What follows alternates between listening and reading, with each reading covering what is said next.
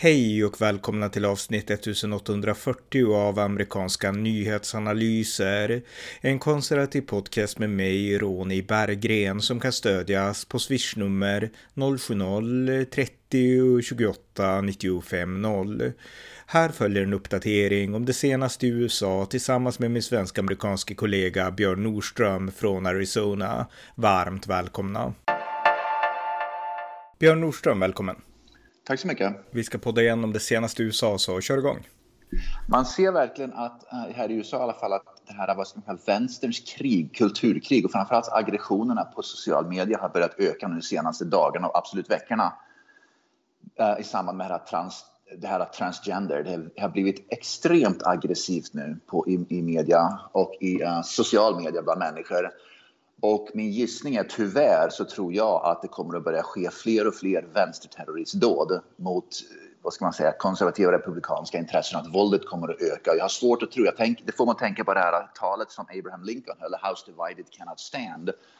Och jag har svårt att tro, ärligt talat, att, att om det här fortsätter så kan inte USA längre hålla ihop. Det, det blir väldigt, väldigt svårt annat än genom konstitutionen därför att det, värderingarna, det är precis som i Sverige håller på att slita sönder, men det är en helt annan anledning. Va? Men att USA håller på att slita sönder inifrån på grund av kulturkriget som pågår mellan, ja då som framförallt extremvänstern håller på att driva på med journalism, med media och, och då akademia, då, universitet och institutioner bakom sig.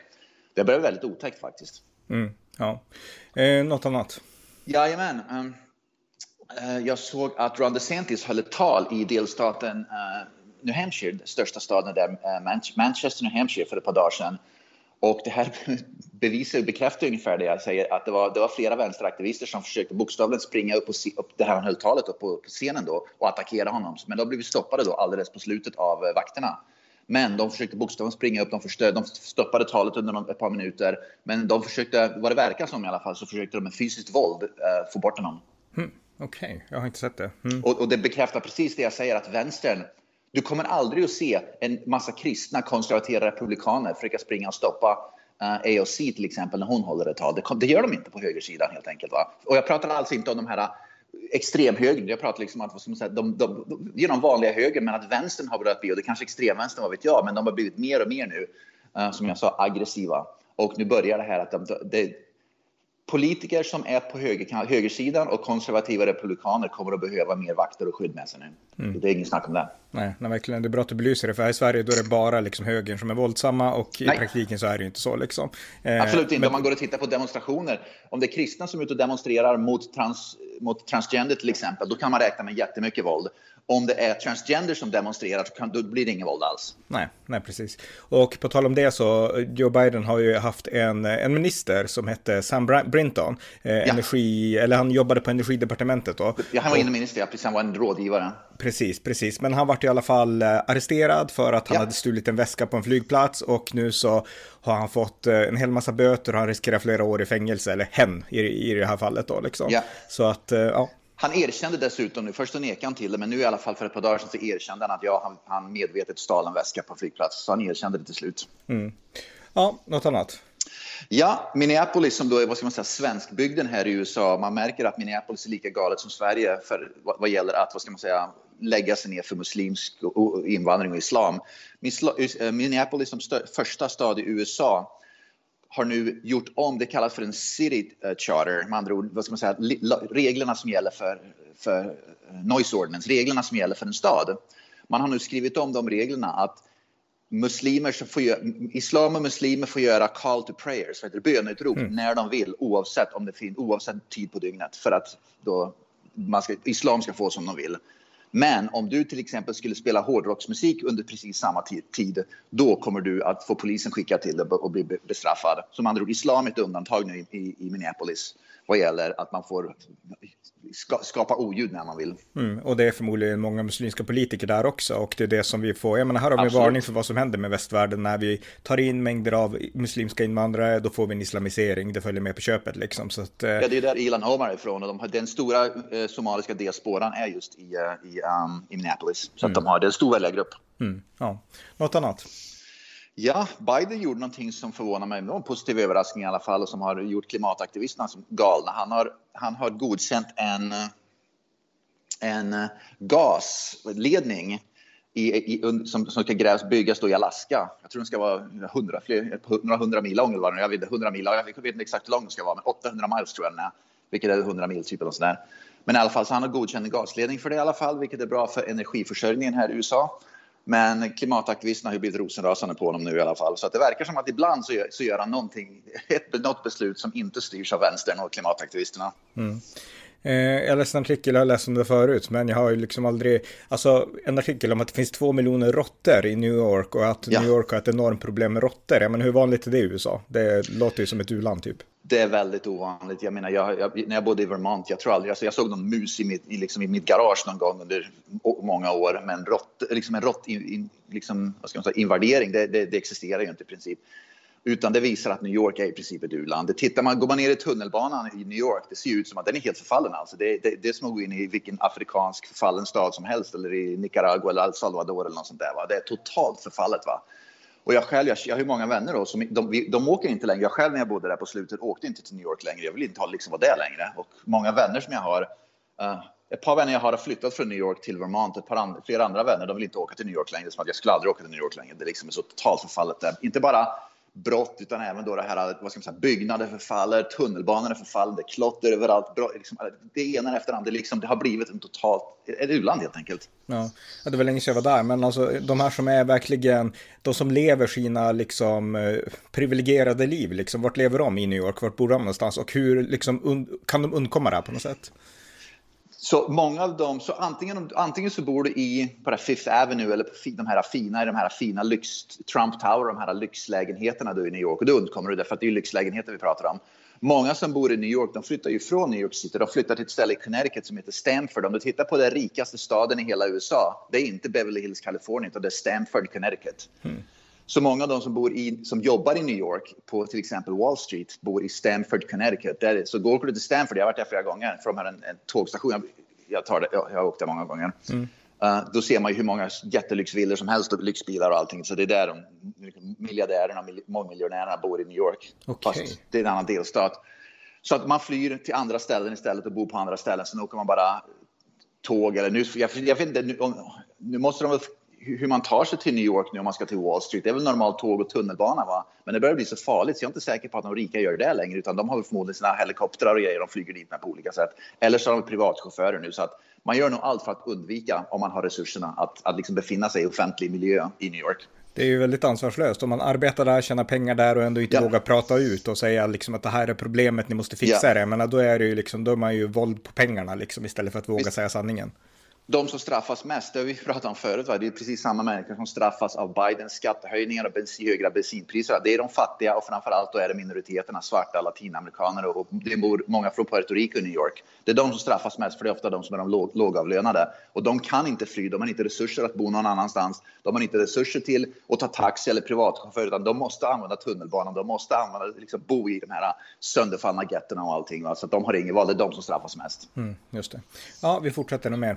Ja, ett par saker om det här Anheuser-Busch då, som är då företaget bakom Bud Light.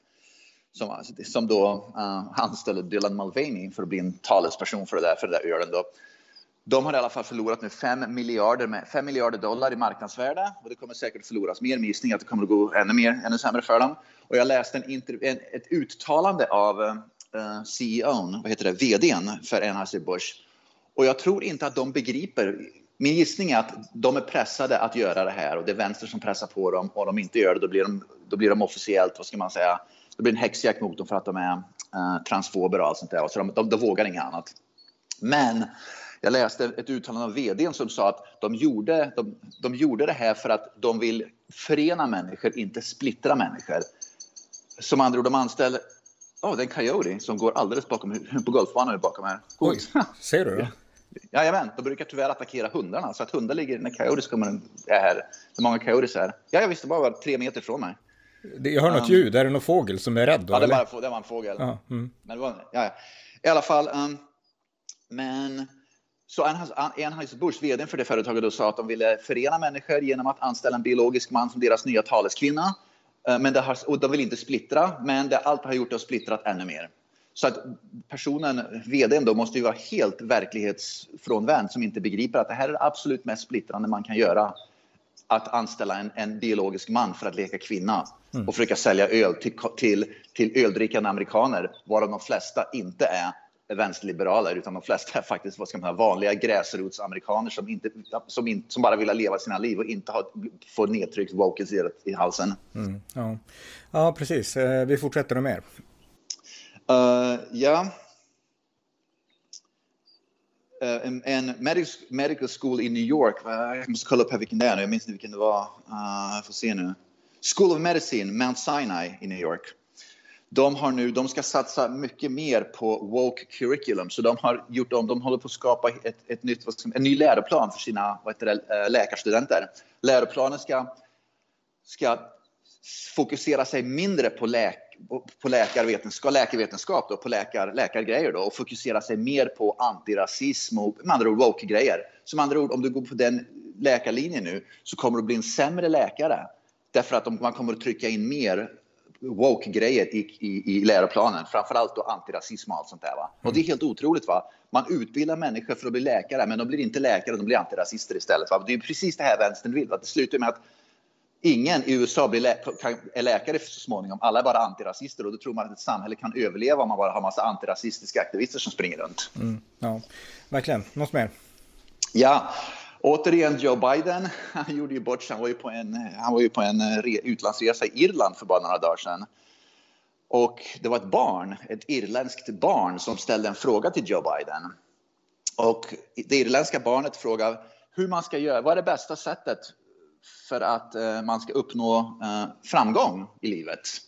Och det irländska barnet använde sig av ett ord. Istället för att säga key to success. I USA säger man what's the key to success, nyckeln till framgång. Mm. Men i tydligen det irländska barnet använde sig av ett irländskt uttryck. Han sa what is, the, what is the best step? Så istället för att säga key så sa han step, steget. Men liksom vem som helst som pratar engelska fattar ju vad ungen sa. Utom Joe Biden. Så först började Joe Biden pladdra om, han förstod inte frågan, det var liksom bara, bara pladdra, liksom bara babbla helt incoherent.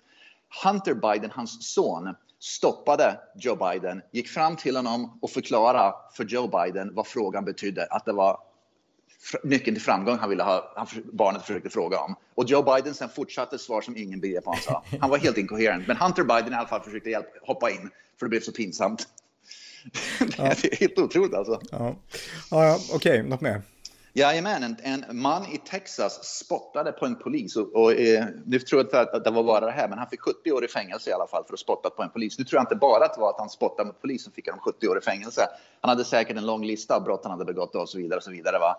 Men i alla fall, i Texas ska man inte spotta en polis. Om ni ska åka till Texas på, på semester, spotta inte på poliser för då blir ni bestraffade. Ja.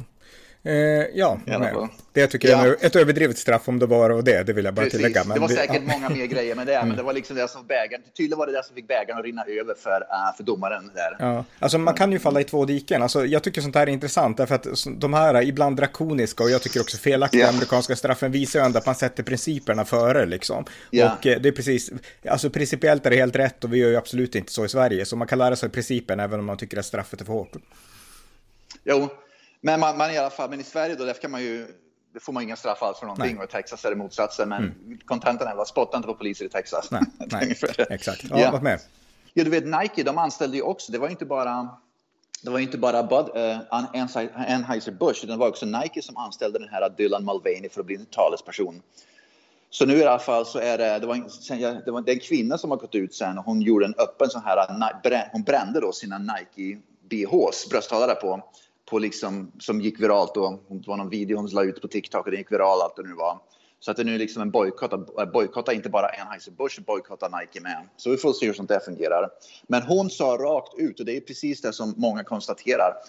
Man anställer en pojke, en, en, en ung man, som för sex månader sedan identifieras som en man och nu hoppar på och vill bli en pojke och har planerat det här, hela det här eh, cirkusen kring då prinsessa, han kommer ut som en prinsessa och allt vad det nu är. Och det är förnedrande mot kvinnor, inte bara att en man som tar över kvinnoroller för, för stora företag utan också låtsas att det var en kvinna som är, så, låtsas att vara en kvinna som inte absolut är en kvinna och så mm. vidare. Va?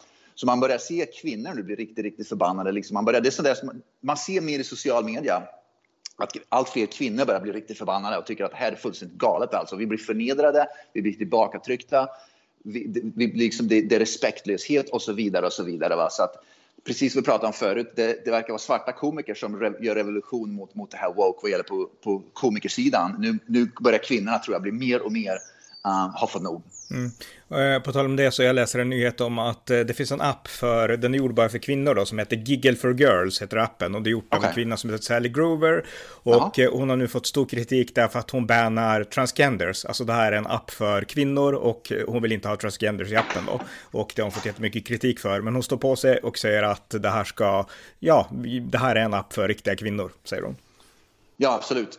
Uh, på tal om det, mannen som gjorde den här filmen, What is a woman, han heter Matt Walsh. Och jag uppmanar alla att gå in och titta på hans YouTube-kanal. Han har fantastiska videos där han argumenterar mot transgenders och mot de här vänsteraktivisterna och så vidare. Han vinner ju de argumenten hur lätt som helst. Va? Men gå in på YouTube och, och kolla upp Matt Walsh YouTube-kanal, för han har lagt ut en massa och framförallt en extremt aktiv nu uh, kring det här. Eh, så att han, han lägger ut väldigt mycket bra videos där han driver argument. Han, han har videos när han argumenterar mot, den här, ja, mot de här transgender-terroristerna och allt det där. Och även då under tal han håller på olika skolor och universitet och sånt där. Liksom att han, allt, massa content som är väldigt, väldigt bra. Mm. Som visar hur galet hela den här, hela det här transgender-cirkusen liksom, är. Va? Och det visar också att det handlar om en väldigt egentligen liten grupp extrema vänsteraktivister som har fått så mycket inflytande här i USA som vi pratar om som, som sen då driver ett kulturkrig som ingen vågar gå emot. Som företag som Bud Light, eh, Anheuser-Busch, Jack Daniels whisky, de har ju också fallit för det där och Nike och så vidare. Ingen vågar gå emot det. Mm. Jag kan säga också att den här läckan vi pratar om, Pentagon-läckan, ja. man har arresterat en man nu som heter Jack Teixeira, heter han. Han är en före detta eh, Massachusetts Air National Guard-medlem ja. och eh, ja, han är nu arresterad och kommer väl åtalas då för den här läckan. Så att eh, den misstänkte är hittad. Ja, men det stämmer bra det. Mm. Um, det var, eh, på tal om något helt annat, jag, eh, jag får se nu vilken del, var det Massachusetts? Jag vet inte vilken delstat det var i alla fall, men det var ett par lärare skolor i de här vänsterliberala delstaterna fick ju nu, nu påtvinga lärare att man måste gå sån här eh, träning i då, vad som kallas för diversity, equity och inclusion, man andra woke-träning. Och det var ett par lärare, det var i Missouri, det var ett par lärare som vägrade gå på den träningen. De sa att vi vill inte gå, de vägrade ställa upp. Det hamnade i domstolen och de blev bestraffade med 300 000 dollar i böter. Två lärare har man bestraffat med 300 000 dollar i böter för att de vägrade gå på woke-träning hmm. under, under skol. Liksom, de, de vägrar ställa upp på den. Men det, det är helt otroligt. Det, man känner, alltså en konservativ delstat som Missouri, de borde kunna få någon upprättelse, tycker man. Ja, det här är ju inte slutet. Det här är förmodligen bara första domstolsinstansen. Det här kommer ju gå vidare naturligtvis. Men att, men att ja, det är helt otroligt alltså att man, och jag kan lova dig med precis samma sak. Om om, en skola, om skolan istället hade, hade, hade beordrat alla lärare att gå på träning i kristendom eller någonting som har med konservatism, med konservatism, med konservatism att göra, då hade man kunnat vägra och man hade inte blivit bötfälld allt, utan då hade man slunkit undan helt totalt. Då hade det istället varit trä de som ledde träningen som hade blivit mm. förmodligen mm. bötfällda. Ja, men det här är ju ett praktexempel på, jag menar jag är helt för kristendomen och det är bra religion och sådär och jag tror att det var bättre när man hade bön i skolan och sådana saker. Men, men däremot, jag menar, det fick ju väldigt mycket kritik. Alltså man skulle aldrig kunna tvinga människor att delta i bön. Ja, men det här började på 60-talet, 50-talet, sen har det fortsatt. Men nu är det tvärtom. Nu ska människor tvingas in i den nya religionen, woke-religionen. Ja. Och då finns det ingen liksom, respekt alls för liksom, frihet att inte behöva liksom, bli påtvingad sånt. Så att det är så otroligt hycklande och eh, alltså politiker måste börja genomskåda det här och verkligen ta ställning för liksom, frihet på riktigt. Ja, och det är ingen religion heller det här, utan det är, bara, det är, det är, det är en vidrig kult som, mm. som, som håller på. Va? Mm. Och det är det här som är grejen, vi pratar ju om det i Sverige, va? När, man, när man tar bort kristendomen ur samhället, man liksom vänstern driver bort kristendomen det blir ju inte så att det blir ett vakuum bara, för inget funkar i ett vakuum. Det som fyller vakuumet, det blir i så fall islam som i Sverige, eller så blir det sådana här kulter som då woke istället. Det blir något mm. helt annat som är mycket, mycket, mycket, mycket sämre och framförallt förmodligen totalitaristiskt och, och liksom mer diktaturskap än det tidigare. Mm, verkligen. Eh, precis, ja, något mer? Ja, Portland State University, det är ett universitet som ligger i Portland, Oregon, vänsterliberala Oregon, som vi pratar om regelbundet. 2020 så tog då poliserna som jobbar på universitetet, man fråntog dem vapnen. Som andra ord, det var liksom disarm the police kallar man det för då. Nu har i alla fall man beslutat på grund av brottsligheten på universitetet har ökat så mycket och våldsbrott och även Portland har blivit så mycket våldsammare så nu har man beslutat tre år senare att poliserna på Portland State University ska få tillbaka sina vapen. Så man kastar bort tre år. Mm. Och förstörde förmodligen massa människors liv bara för att man ville göra en slags woke agenda då som visar sig vara totalt galen. Nu i efterhand. Mm. Nej, men det är likadant som i Sverige, alltså vi har kastat bort, alltså människoliv har offrats för våra multikultur och för vår liksom tama liksom syn på brottslighet. Jag menar, nu har vi den här mördaren som, som är på rymmen och eh, jag menar, vi har svaga politiker och ett svagt system som, eh, alltså de bryr sig inte om liksom säkerhet för vanliga medborgare. Det är inte svårare än så. Jajamän. Ja, ja hade du mer? Ja, jag har en sak till. NPR som är National Public Radio. Det är vad ska man säga, statsradion här i USA. Amerikansk de, public service. Precis, precis. De statsfinansieras av skattepengar till stor del. De har också då såna här uh, fundraisers, men det är framförallt skattepengar. Uh, Twitter nu under Elon Musk har uh, skrev ut att, att NPR är, är statsmedia, med andra ord statsmedia som är kopplad till, till staten USA. Och uh, NPR, radiokanalen, blev så förbaskade på det så att de har nu hoppat av Twitter. De vill inte längre vara med i Twitter därför att Musk tyckte att det var av allmänintresse att på deras Twitterkonto står det att det här är då uh, kopplat till amerikanska staten och inte, vad ska man säga, inte en, en helt fristående media. Och det, det, det vägrar de erkänna och då tyckte de att då ska vi inte vara med på Twitter längre. Mm. Ja. Med andra ord, de, ville, de vägrar acceptera verkligheten som den är. Ja, ja okej, okay, men då så. Så tack så mycket. Tack så mycket. Tack för att ni har lyssnat på amerikanska nyhetsanalyser. En podcast som kan stödjas på swishnummer 070-30 28 95 0 eller via hemsidan på Paypal, Patreon eller bankkonto. Skänk också gärna en donation till valfri Ukraina Hjälp. Allt gott tills nästa gång.